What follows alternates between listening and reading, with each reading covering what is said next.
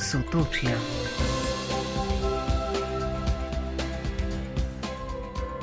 Dober večer, lepo pozdravljeni vsi, ki ste se odločili za družbo rojakov iz sosednjih držav.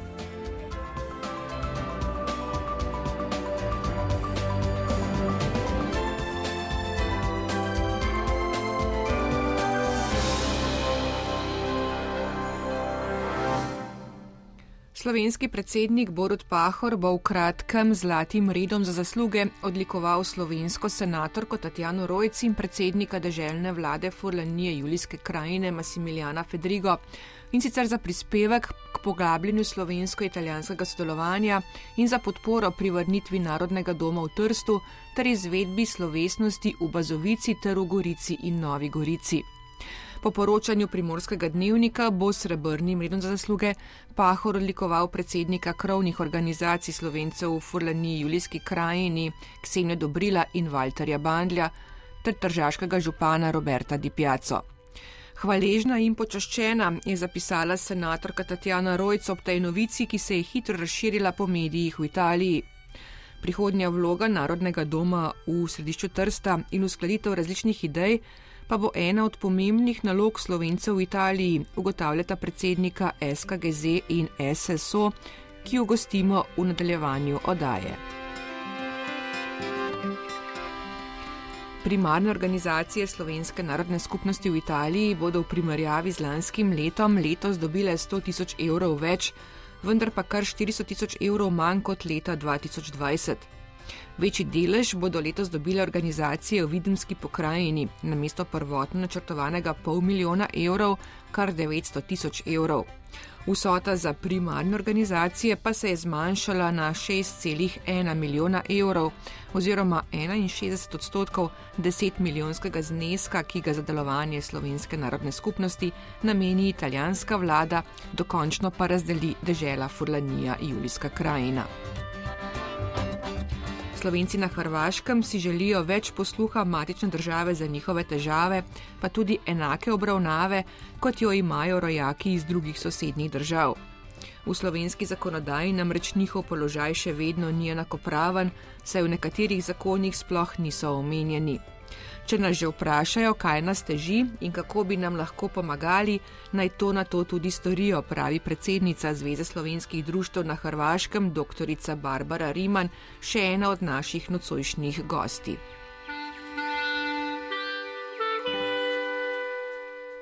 Predstavniki slovenskih manjšinskih organizacij v Avstriji, zastopanih v vso svetu za slovensko narodno skupnost, bodo letos dobili milijon 800 tisoč evrov, 300 tisoč evrov več kot lani.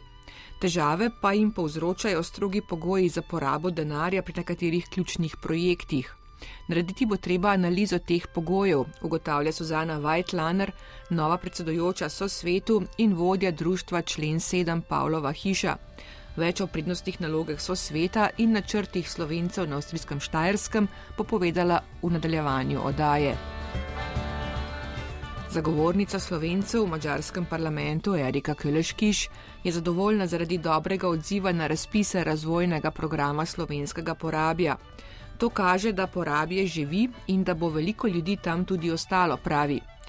Ker pa številni projekti še niso končani in ni energije ne manjka, se bo naša sogovornica vnovič potegovala za zagovornico slovenske narodne skupnosti v mačarskem parlamentu. Daljši pogovor z Eriko Keleškiš sledi v drugem delu oddaje, najprej pa gremo k rojakom na Hrvaškem. Sotočja. Zveza slovenskih društv na Hrvaškem je kljub številnim omejitvam lani uspešno izpeljala več novih projektov namenjenih mladim in učenju slovenščine ter nadaljevala čezmejno sodelovanje v okviru gospodarskih pobud. Dejavnosti krovne organizacije, ki bo letos praznovala 30 let delovanja, pa še vedno temelji predvsem na požrtvovalnem prostovoljnem delu posameznikov in peščici zaposlenih. Predsednica dr. Barbara Riman je v pogovoru z Marjano Mirkovič povzela storjeno v minulem letu in načrte za letos v luči pričakovanj od Slovenije. Iskreno čestitam vsem v slovenskih društvih, da so se znajdli, da so se borili, so svojim delovanjem probali zbrati čim več mladih otrok, da so delovali v smeri ohranjanja jezika, kulture in pravzaprav zelo trmasto spodbujali in ohranjali to slovensko skupnost na Hrvaškem.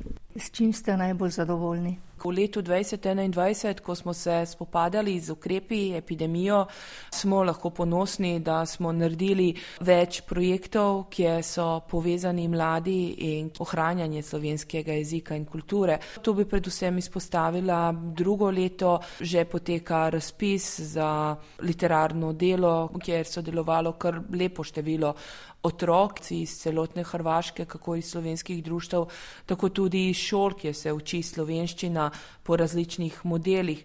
Poleg tega pa bi izpostavila sodelovanje z drugimi slovenci v sosednjimi državami, ko gre za maj mreža Alpe Jadran, ker smo uspeli na reki v slovenskem domu Bazovica organizirati lepo srečanje mladih in je pravzaprav v smislu tega projekta prav to, kar smo doživeli na reki in potem nekaj tednov kasneje tudi uporabil.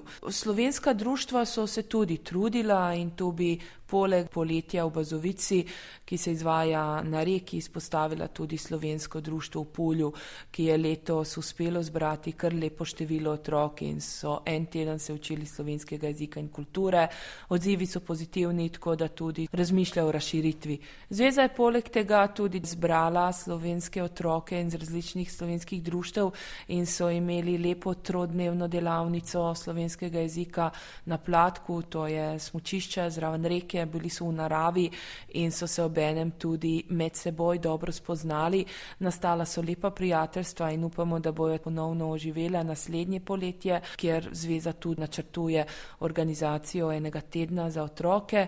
Imeli smo tudi delavnico za mlade v Trogirju in načrtujemo ponovitev. Uspešno se nadaljujejo tudi pobude za uvedbo slovenščine v šole. Čeprav je bila korona in ravnatelji tistih šol, ki smo jih kontaktirali, niso bili preveč navdušeni za uvedbo slovenščine po modelu C, vseeno pa nam je to ratalo v uh, gimnaziji, uh, prva sušačka gimnazija na reki, kjer so se zbrali potomci slovenskega rodu in se je začelo učenje slovenskega jezika po modelu C. Zaenkrat je prijavljenih osem učencev.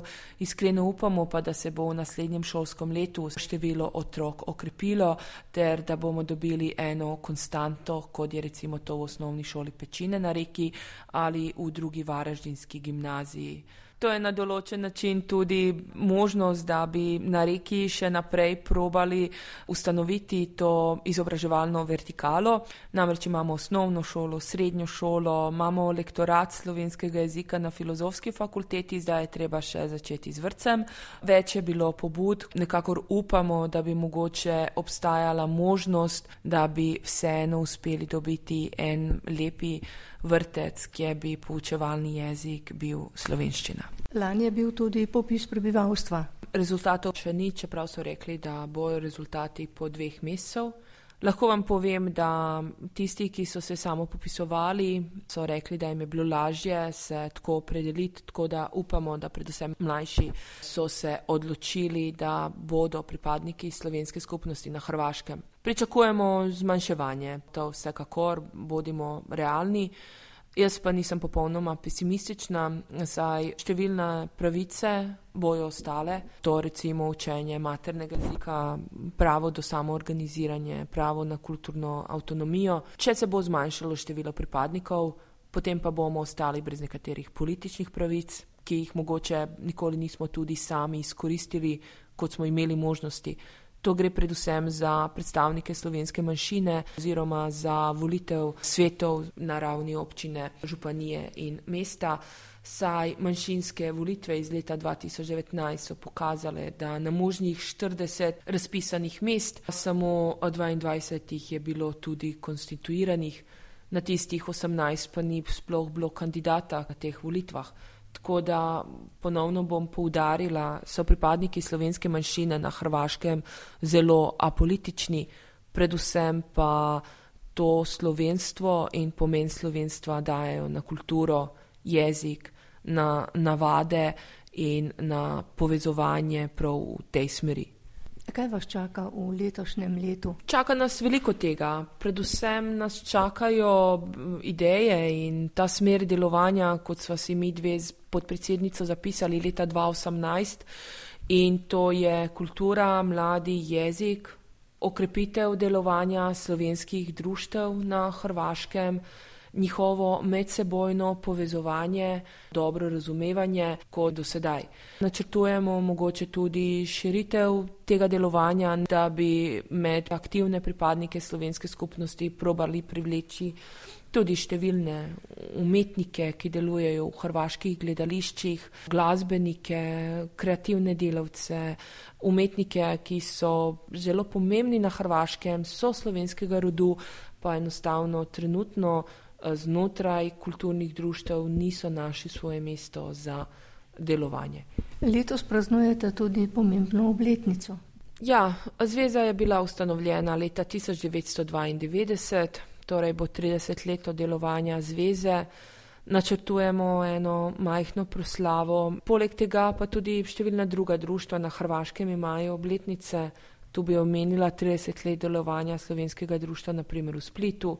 Kaj pa odnosi s Slovenijo? Kakšna so pričakovanja za letos? Pričakovanja za letos od Republike Slovenije so ista kot vsako leto. Pričakujemo podporo ne samo materialno podporo, pričakujemo tudi moralno podporo, pričakujemo tudi podporo v določenih uh, korakih, ki jih sami kot pripadniki skoraj nevidne manjšine na Hrvaškem ne moremo storiti.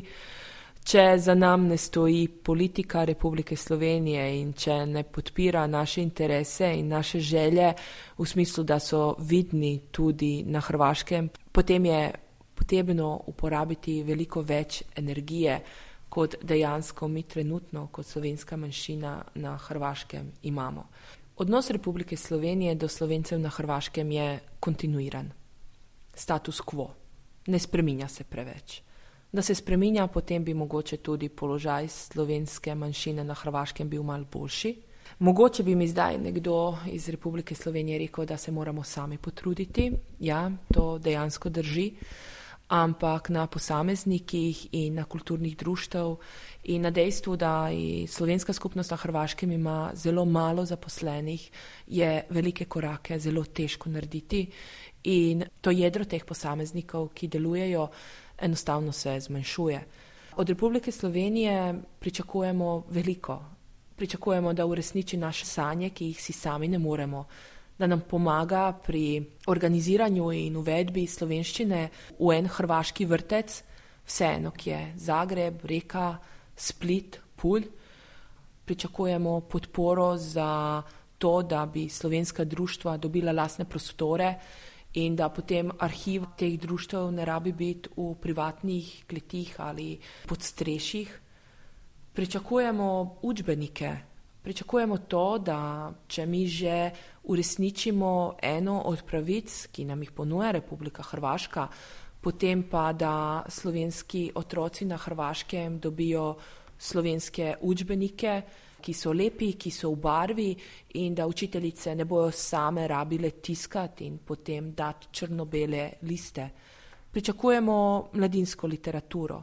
Poleg tega pričakujemo tudi, da nam ponudijo več učiteljev slovenskega jezika, saj če se pričakuje od pripadnikov slovenske manjšine, da uresniči pravice, ki jih ponuja Republika Hrvaška, mi bomo to z veseljem naredili, ampak potem, če pride do zapletov, da nimamo koga zaposliti, potem pa je to problem slovenske skupnosti in marsikatera vrata so nam prav zaradi neustreznega kadra bila zaprta in ostala zaprta.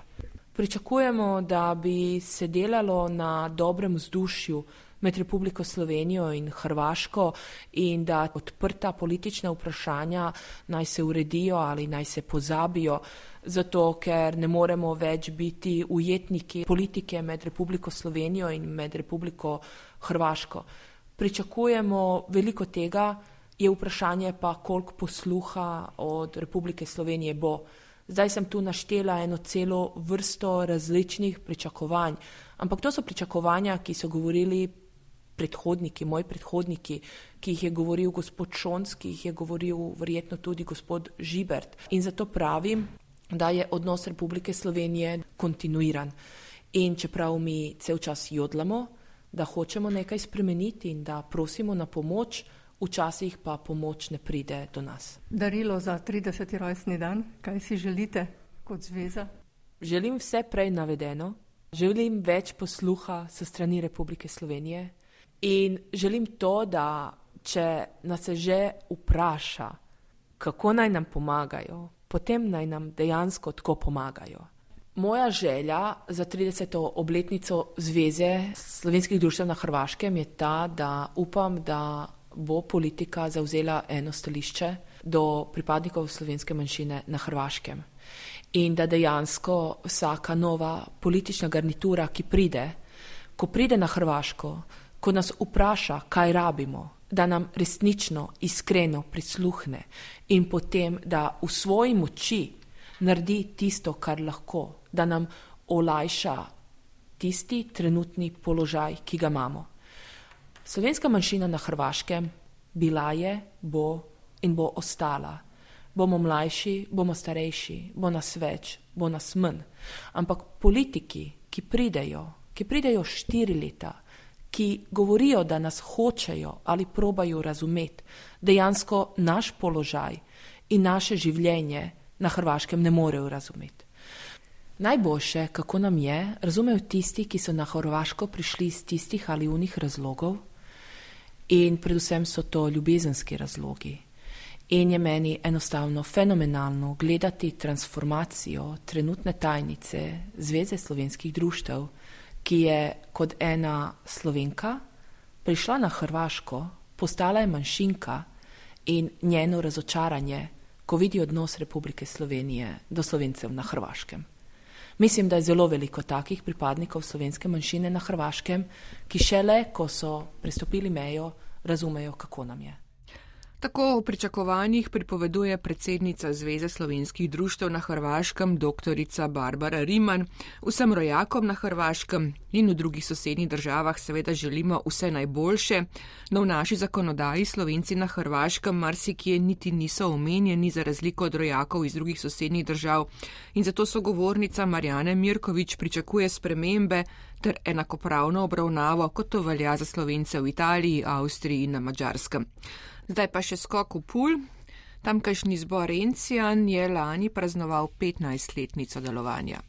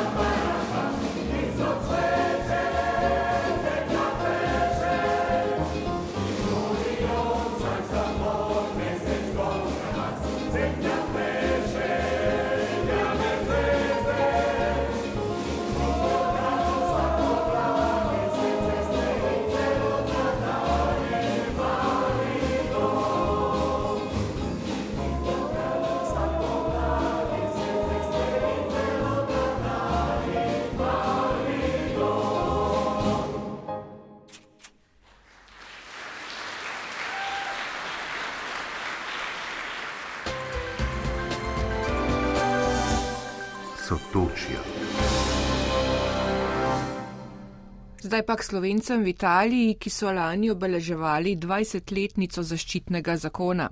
Med uspešno uresničene pravice lahko odslej štejejo tudi vrnitev Narodnega doma v Trstu, ki je pravno formalno tako rekoč že v njihovih rokah. Spomladi so se razveselili vrnitve v Goriški trgovski dom, obnova Narodnega doma pri Svetem Ivanu pa je v polnem teku.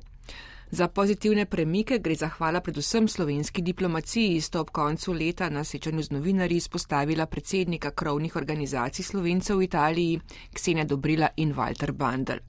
Tudi v bodoče računata na podporo matične domovine, z njima se je tik pred iztekom leta pogovarjala Špela Lenardič.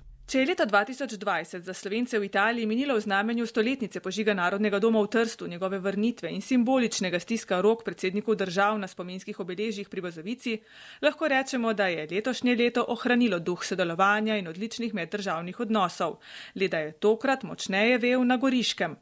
Borut Pahor in Sergio Mattarella sta jeseni obiskala bodočo Evropsko prestolnico kulture in posebno pozornost namenila tudi obema manjšinama. Že spomladi pa so se tamkajšnji slovenci razveselili vrnitve v trgovski dom. Fajglova knjižnica je v njem zaživela kot večkulturno središče, zadovoljstvo ugotavlja Ksenja Dobrila, predsednica Slovenske kulturno-gospodarske zveze. To je postaje če dalje bolj uh, središče, ki da Gorici neko dimenzijo več kulturnosti, tudi uh, kulturne razgibanosti, kajti to je središče, ki ga obiskujejo mladi študentje različnih narodnosti, ki ga uh, obiskujejo mlade družine, tudi italijanske družine, ki se približujejo slovenskemu jeziku. Preko vseh raznih pobud, kjer se srečuje celotna starostna eh, vertikala, od otrok do starejših ljudi na, na tematskih debatah, srečanjih, tudi lahkotnih pogovorih o modi, arhitekturi, slikarstvu in tako naprej. Torej, velik korak v, v kulturnem smislu in tudi v dejanju eh, Evropske prestolnice kulture, promociji jezika, ki, kjer v konceptu Evropske prestolnice je poznavanje jezika sosedstva seveda ena od prednostnih nalog. Predsednik sveta slovenskih organizacij Walter Bandel je spomnil, da pravice manjšine spoštujejo tudi v Goriški občini, kjer se slovenski občinski svetniki lahko izražajo v maternem jeziku. Evropski projekt cestarskih mest je zagotovo izjemna priložnost za razvoj, dodaja. Ne smemo pozabiti na EZTS, ne, to se pravi gospodarstvo, eh, kultura. In to je eh, stvar dialoga. Če je dialog, če je ekipno delo, se to potem ustvari tudi eno lepše sodelovanje in tudi, eh, eh, bi lahko rekel, tudi promocijsko. To je seveda zahvala obem predsednikom republike, celotni diplomaciji. Ta je zaslužna tudi za prepis lasništva Narodnega doma v Trstu, ki se bo pravno formalno zgodil v prvih mesecih leta. Slovenci morajo sedaj uskladiti svoje želje in vizije glede ponovnega preporoda nekdanjega simbola slovenstva v mestu. Walter Bandel si želi, da bi ta proces hitreje stekel. Pred nami gotovo je načrtovanje narodnega doma, e, mislim, te velike zgradbe, kako pomagati tudi pri univerzi, da odide, da se preseli te, iz te zgradbe. Je seveda tudi zastopstvo, olajšano zastopstvo. Mislim, da člen 26 zakon 38 predvideva tako kot re, pozitivno recipročnost v Sloveniji, kjer imamo italijansko menšino, kjer ima že po zakonu, da je poslanec italijanske menšine. In tu je veliko delo, seveda ne samo civilne družbe, pač pa tudi politike, strankarskih odločitev, strankarskih uh, srečanj. Za zagotovljeno mesto v Rimu po principu pozitivne recipročnosti si prizadeva tudi senatorka Tatjana Rojc, ki je jeseni vložila zakonski osnutek. Spremembe si obetajo šele po izvolitvi novega predsednika države, tako Sergio Mattarelli kot Borutu Pahorjev, se prihodnje leto izteka mandat. Poseben izziv ostaja šolstvo, kjer se slovenci že več let soočajo s pomankanjem kadra, učnega gradiva pa tudi demografskim pacem. Tudi zato si bodo še naprej prizadevali za več avtonomije pri urejanju tega področja, tako kot imata to že zagotovljeno nemška in francoska govoreča manjšina, Ksenja Dobrila. Ministrstvo za šolstvo v Italiji je to velika, velika mašinerija, ki upravlja preko 800 tisoč eh, zaposlenih in v njihovem zaznavnem polju slovenskega šolstva ni. Veliko smo računali na zaščitni zakon, ampak tudi tam je bilo besedilo preohlapno, očitno ni bilo politične volje, da bi se to bolje definiralo in avtonomije ni. Eh, zaenkrat imamo samo nek Eh, in citiram, posebni uh, urad. Posebnost tega urada pa ni bila nikoli zakonsko razčlenjena. Več možnosti je, da pride do spremembe eh, zakona. Konkretno, če smo že eh, spreminjali zakon pri eh, nepremičnina, konkretno za narodni dom, bi lahko tudi za šolstvo, ker je ravno tako pomembno. Druga možnost je, da pride do izvajalnega odloka, ki je razčinjen, katera je ta posebnost tega posebnega urada eh, ali pa neka eh, tolmačenje te posebnosti v, v uradnih aktih. Za vse to je potrebno politična volja, politično naprezanje in zaslomba matice. Medtem pri svetem Ivanu prenova tamkajšnjega narodnega doma poteka po načrtih. Dela naj bi se zaključila do leta 2023. Vanj se bosta uselili Slovenski raziskovalni inštitut in zgodovinski odsek Narodne študijske knjižnice. V bližini naj bi v prihodnje zgradili tudi sodobno športno dvorano, si nadeja Ksenja Dobrila. Veliko dejavnosti bi radi eh, izvajali eh, v mreži z eh, višjimi srednjimi šolami, ki tam pri Svetem Ivanu tudi domujejo. Narodni dom pri Svetem Ivanu bo kulturna sredina. Spomnim naj, da tam bosta imela svoj sedež tudi kulturni društvi Slavko Škamparle in Mariko Goj. Eh, in bo komplementarna Narodnemu domu, ki pa eh, glede na obseg del in obsežnosti načrta terja še, kaj, še kar nekaj načrtovalnega dela in skrbi okrog tega. Nadejamo se, da v roku recimo treh, štirih let bi moral biti projekt pod streho in takrat bi sveti Ivan imel poleg šol še eh, raziskovalno študijsko središče in modern špo, športni kompleks. Torej nek kampus za našo odraščajočo mladino. Dobrih 10 milijonov evrov, ki jih letno prejme slovenska manjšina, so letos razdelili nekoliko drugače. V prihodnje bo več sredstev namenjenih videmski pokrajini. Inštitutu za slovensko kulturo v Špetru so tako na mesto 40 namenili 100 tisoč evrov. Ksenja Dobrila in Walter Bandel. Tako da v naslednjih letih bo inštitut lahko razvijal določene eh, promocijske dejavnosti v sodelovanju z eh, kulturnimi sredinami in turističnimi sredinami zgornjega posočja. Želimo si preporoda tistega območja v kulturnem in turističnem smislu. Glede gospodarstva, seveda, Veničija ima problem bolj gospodarstveni, je malo ljudi, demografski padec, če tudi recimo glede demografska paca je problematika tudi v Gorici v Trstu. E, dvojezične bi lahko rekel tako, poroke e, jih je vedno več. E, po drugi strani pa imamo tudi italijanske družine, ki se nekako bavijo z slovenskim, slovenskim jezikom. Eh, tako da otroci so v slovenskih šolah, eh, prihajajo eh, iz teh italijanskih družin. To je pa seveda novo obdobje, ki bo treba poprijeti in izdelati takšne črte, da bo tudi prave in pravilne za našo skupnost. Z odpiranjem vprašanja demografskega paca in asimilacije se je Walter Bandel nanašal na tematiko šolstva, pa tudi strategijo jezikovne politike, ki je bila predlagana na letošnji tretji deželni konferenci za slovensko manjšino. Jezikoslovci so zasnovali načrt za ohranjanje in razvoj kakovostnega znanja ter rabe slovenskega jezika v deželi Furlani Julijski krajini. Izzivov v letu 2022 ne bo manjkalo, predvsem pa si predsednika krovnih organizacij želita, da pandemija ne bi več omejevala kulturno-družabnega življenja narodne skupnosti, saj je prav slednji srčika njenega obstoja.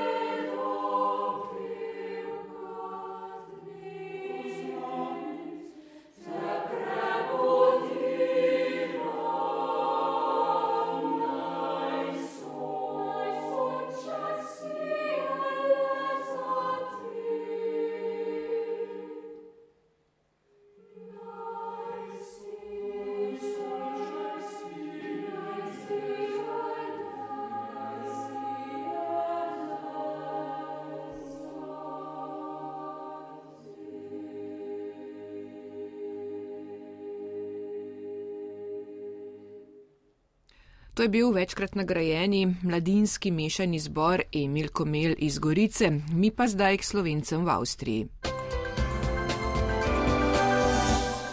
Sotočja. Organizacije slovencev na avstrijskem Koroškem in Štajerskem bodo iz državnega proračuna za delovanje letos dobile milijon 800 tisoč evrov. Kako jih bodo razdelile, so se dogovorile krovne organizacije, ki imajo pri uradu zvezdnega kanclerja sosvet. Letos ga vodi predstavnica slovencev na avstrijskem Štajerskem Suzana Weitlaner, ki je tudi predsednica društva člen 7 Pavlova hiša. Načrtov jim ne manjka, pravi, denar pa je že zagotovljen.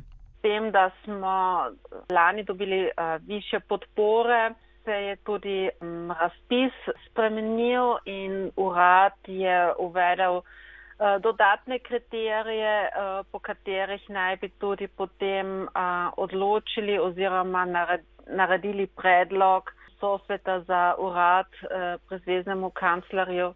In tudi v razpisu je treba odgovoriti na različna vprašanja oziroma označiti glede učinkovitosti projekta oziroma um, kaj pomeni projekt za manjšino, kakšen je načrt in tako naprej. To ste potem uspeli narediti, glede na to, da je vaš predhodnik Bernard Sadovnik opozarjal konec leta, da bo to zelo težko izpeljati oziroma te kriterije izpolniti. Je zelo zahtevna zadeva, sploh um, je to zdaj za vse skupaj novo. Mislim, da bo verjetno čez nekaj let lažje za vse skupaj ampak eh, trenutno je to se novo in seveda eh, označiti eh, po kriterijih, ki so zelo različni, je težko in jaz tudi mislim, da ima vsak projekt seveda svojo upravičenost. Mhm. Eni so mora večji,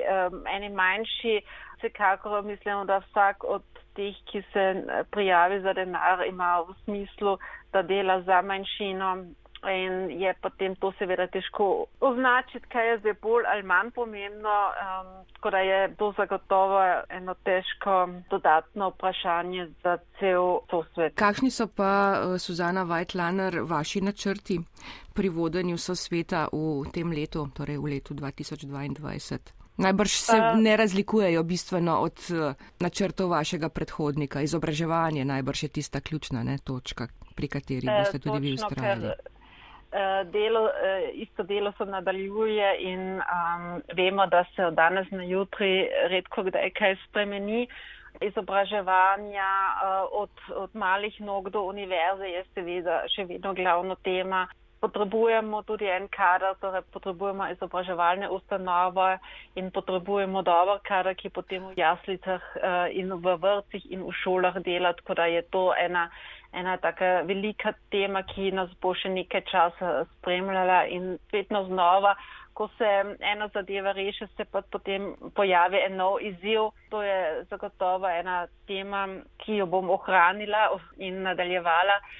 Kaj sem se pa še mislila, je, da pač ravno to, kar so se prej pogovarjali, da so ti novi kriteriji, ta nov razpis izpostavil zagotovo tudi. Um, en kup vprašanj dodatnih in morda je potem treba pogledati, kaj bi bilo potrebno v tem razpisu drugače napisati oziroma spremeniti, kje so bile težave pri izpolnjenju prošnje in um, tu mislim, da imamo zdaj to leto še za neka popravila in tu mislim, da ima sosvet seveda tudi posredovalno vlogo in da tudi tu lahko um, ja, svetuje in, in ukrepa. Kakšni pa so odnosi so sveta z novim kanclerjem, Nehamerjem, dobri? Za enkrat bi rekla ja. Um, Simnega srečanja še ni bilo, ampak morda nam bo to pa v, v zdaj prihajajočem letu še uspelo.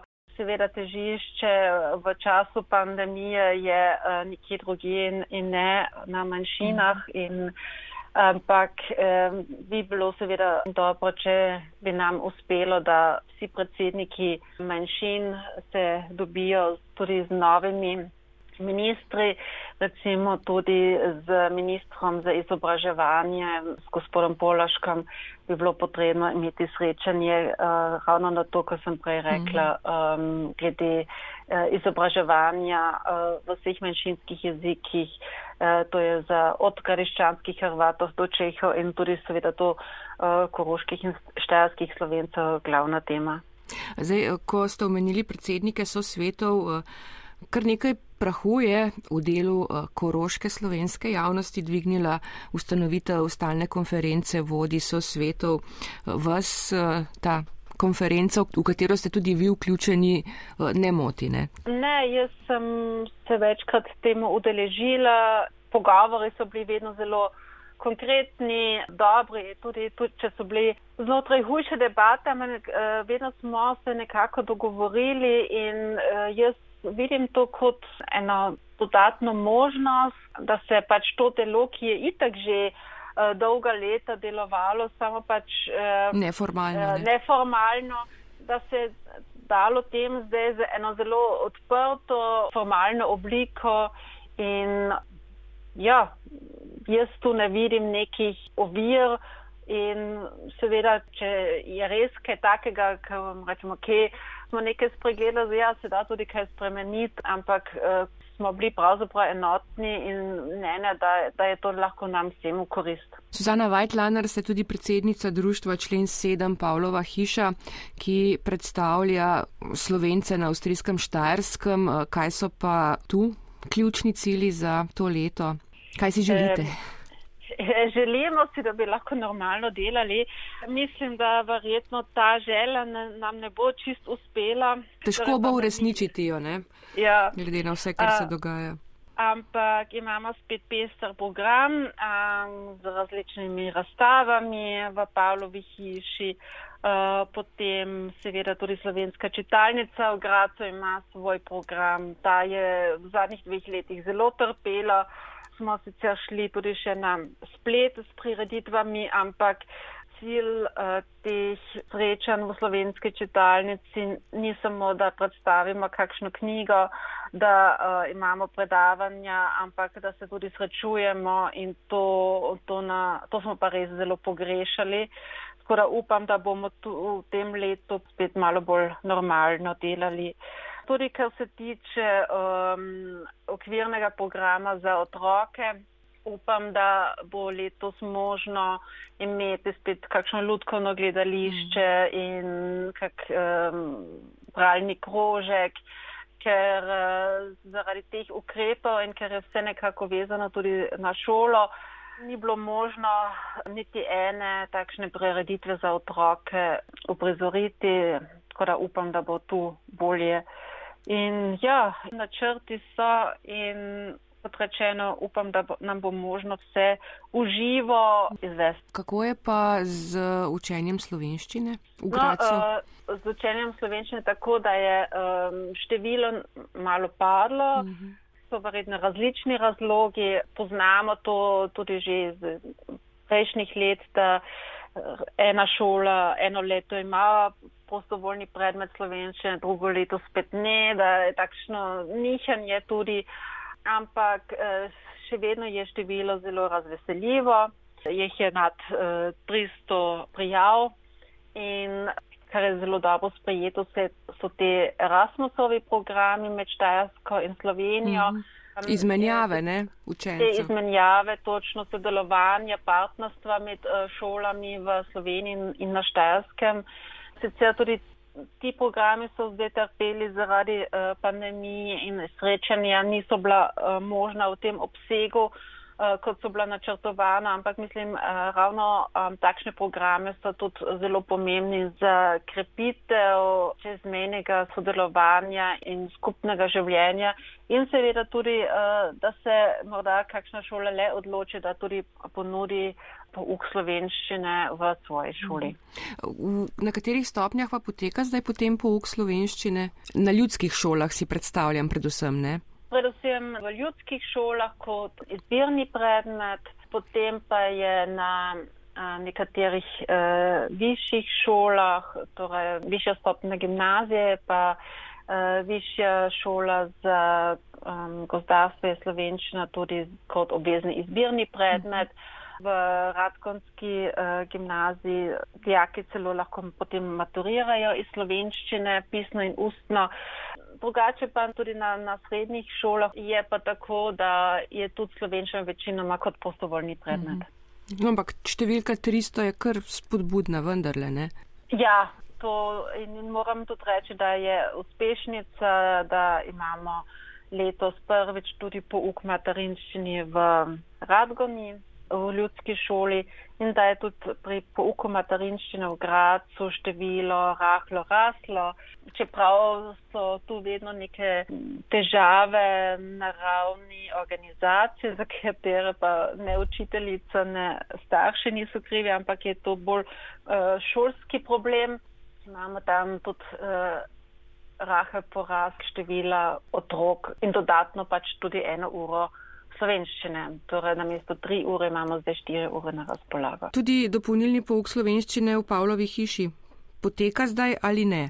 Zdaj po praznikih, po novem letu.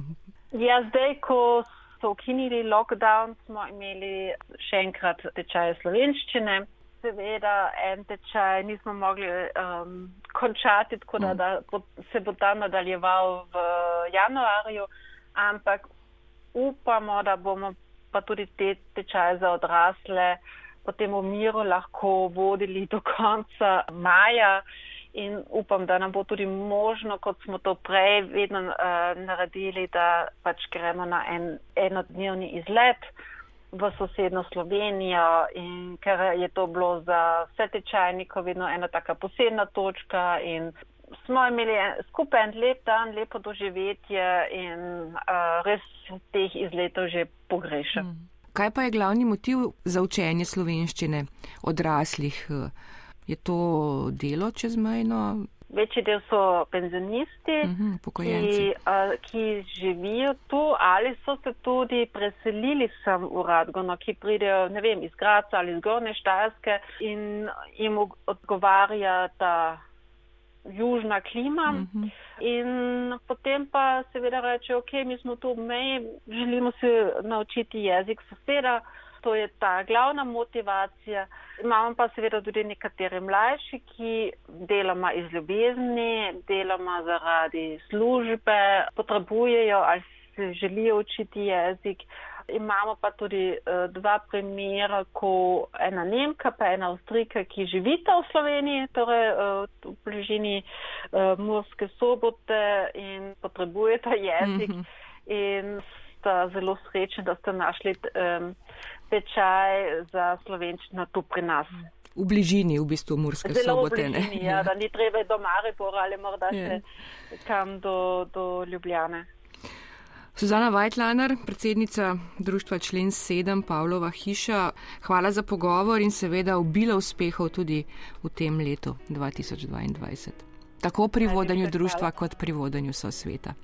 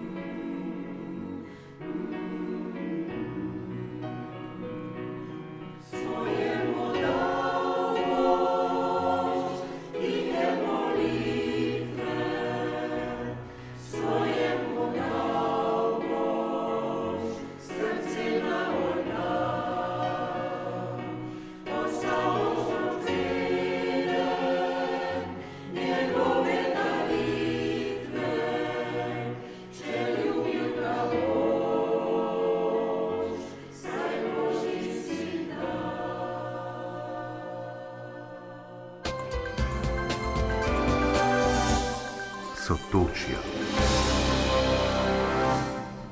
Zbor Pavlove hiše iz Potrne na avstrijskem Štajerskem nas je pripeljal še v porabje. Čeprav je bilo tudi tam minulo leto v znamenju epidemije, se je vendarle marsikaj dogajalo. Veliko pozornosti so rojaki na mačarskem namenili gospodarstvu, ki bo v spredju tudi letos. O dogajanju v letu 2021 in pričakovanjih v tem letu je Silvi Eri več povedala zagovornica slovencev v mačarskem parlamentu Erika Keleškiš. Čeprav je bilo leto 2021, tako kot tudi leto poprej, v znamenju COVID-19, se po besedah slovenske zagovornice delo v mađarskem parlamentu ni ustavilo niti za trenutek, ne. niti ne bi rekla, da je potekalo malo drugače. Sicer smo bili premeščeni v drugo dvorano, da imamo med sabo večjo razdaljo, ampak delo je pa potekalo kot prej. Od eh, sredine februarja smo imeli redno zasedovanje vsak teden, sicer pa en teden imamo eno plenarno sejo eh, v ponedeljek ponavadi, eh, drug teden po tri, štiri dneve in eh, seje, odborske seje so pa potekale tudi v glavnem po navadi. To se pravi, da tisti teden, ko je ena plenarna seja, torek, sredo, četrtek so pa odborske seje. Čeprav so v mađarskem parlamentu veliko pozornosti namenjali temam, ki so povezane z novim koronavirusom in ukrepi, s katerimi bi zajezili epidemijo, so se seveda ukvarjali tudi z drugimi temami. Vedno več je zakonskih predlogov, o katerih razpravlja tudi parlamentarni odbor za narodnosti. Prav zaradi tega je vse več eh, situacij, ko se tudi sami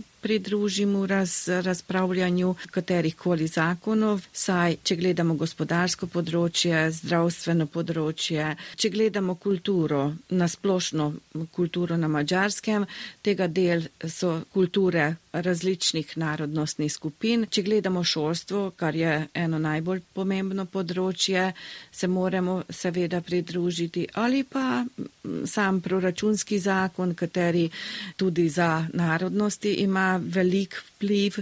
Prav zaradi tega smo imeli do konca, lahko rečem, do zadnje seje, kar veliko dela. Na zadnji seji smo štirje zagovorniki in pa poslanec nemške manjšine sedeli v parlamentu in vsi smo imeli govor, da smo že res eh, del eh, mađarskega državnega zbora in eh, tudi naše prošnje upoštevajo. Zdaj sem sama tudi imela en predlog za spremembo enega zakona, ki se sicer tiče arhitekture različnih naselbin, ampak mislim, da je za pripadnike narodnosti zelo pomembno, če eh, pri katerikoli eh, spremembi tako rekoč obraza enega naselja upoštevajo tudi željo eh, pripadnikov narodnosti, saj naša arhitektura je vedno bila posebna. Če samo pogledamo porabske vasi, porabske vasi so imele značilne svoje uh, hiše in če prepustimo to nekomu drugemu,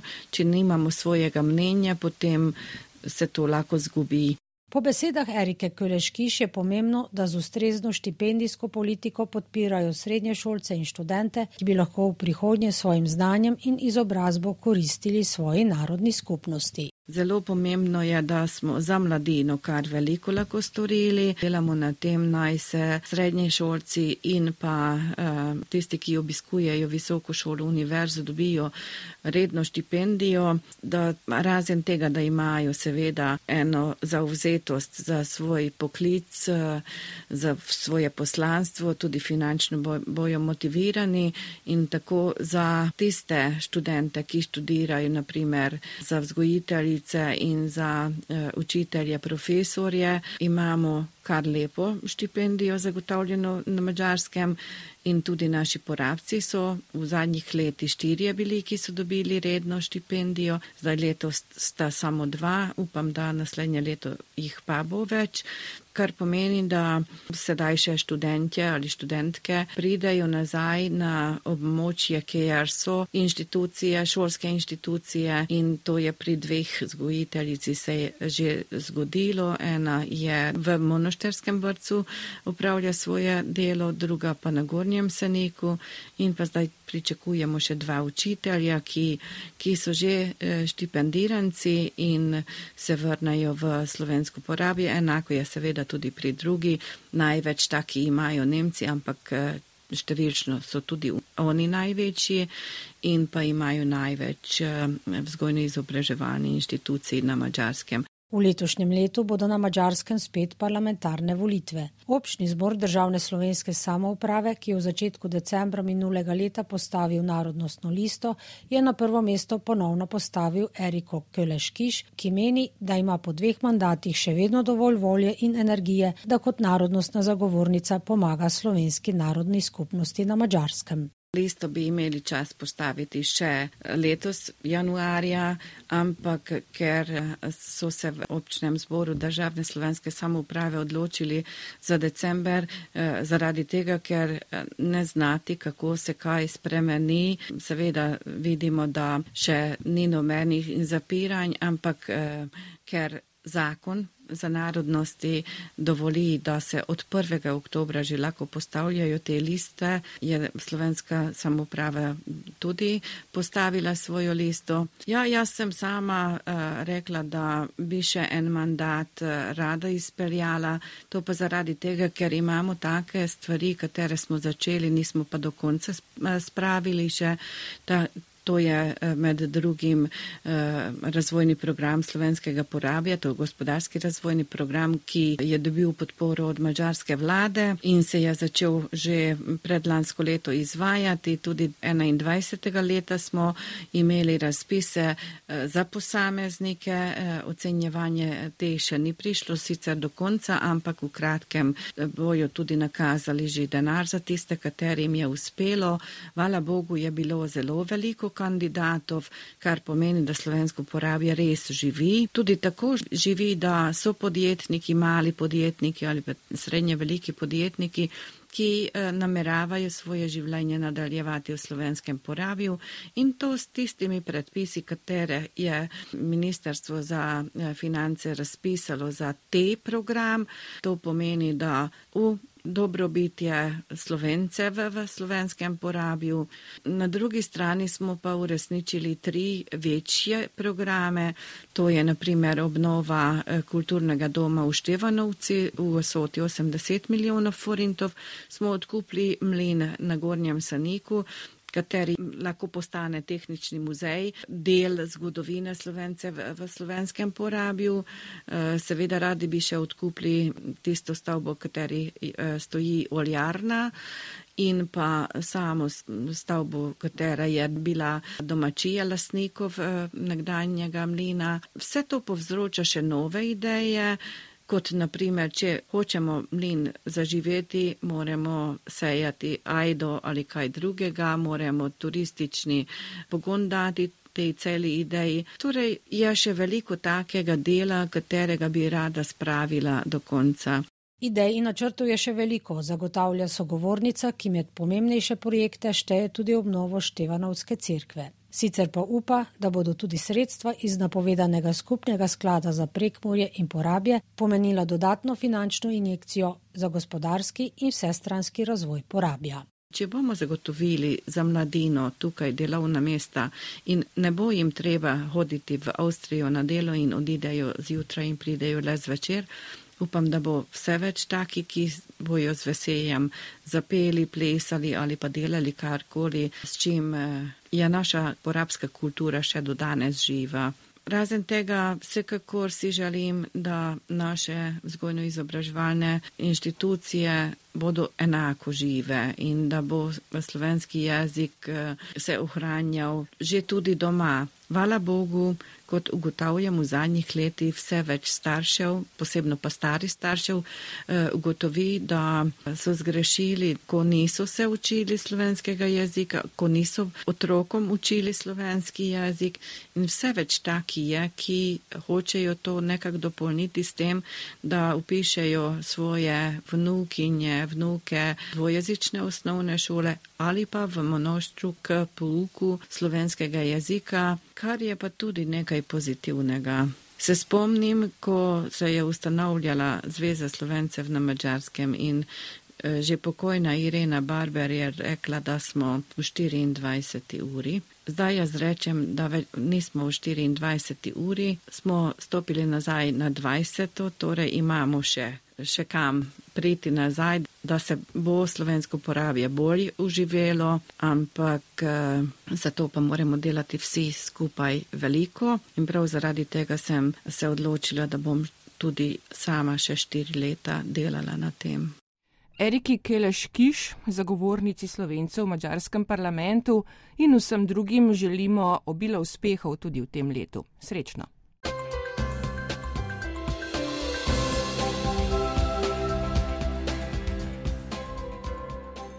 Sotočja smo tokrat pripravili tonski mojster Jon Črgan in novinarke Marjana Mirkovič, Pela Lenardic, Silva Eri in Mataja Železnikar. Vedno znova nas lahko slišite na spletni strani prvega programa, kjer med oddajami poiščete sotočja. Lahko se naročite na podcast ali nas najdete v našem spletnem 4D arhivu. Srečno in nasvidenje do prihodnje oddaje. Sotočja.